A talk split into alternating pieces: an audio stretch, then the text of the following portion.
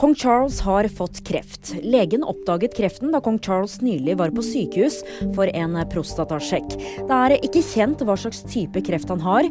Prins Harry som bor i USA reiser hjem for å besøke faren sin, ifølge flere britiske medier.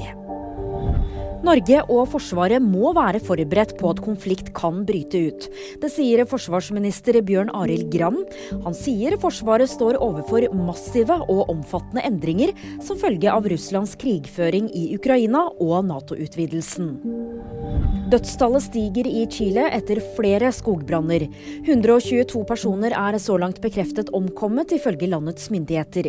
Samtidig så er flere hundre mennesker savnet, og det fryktes at antallet omkomne er langt høyere. Mer om denne saken og andre nyheter finner du alltid på VG.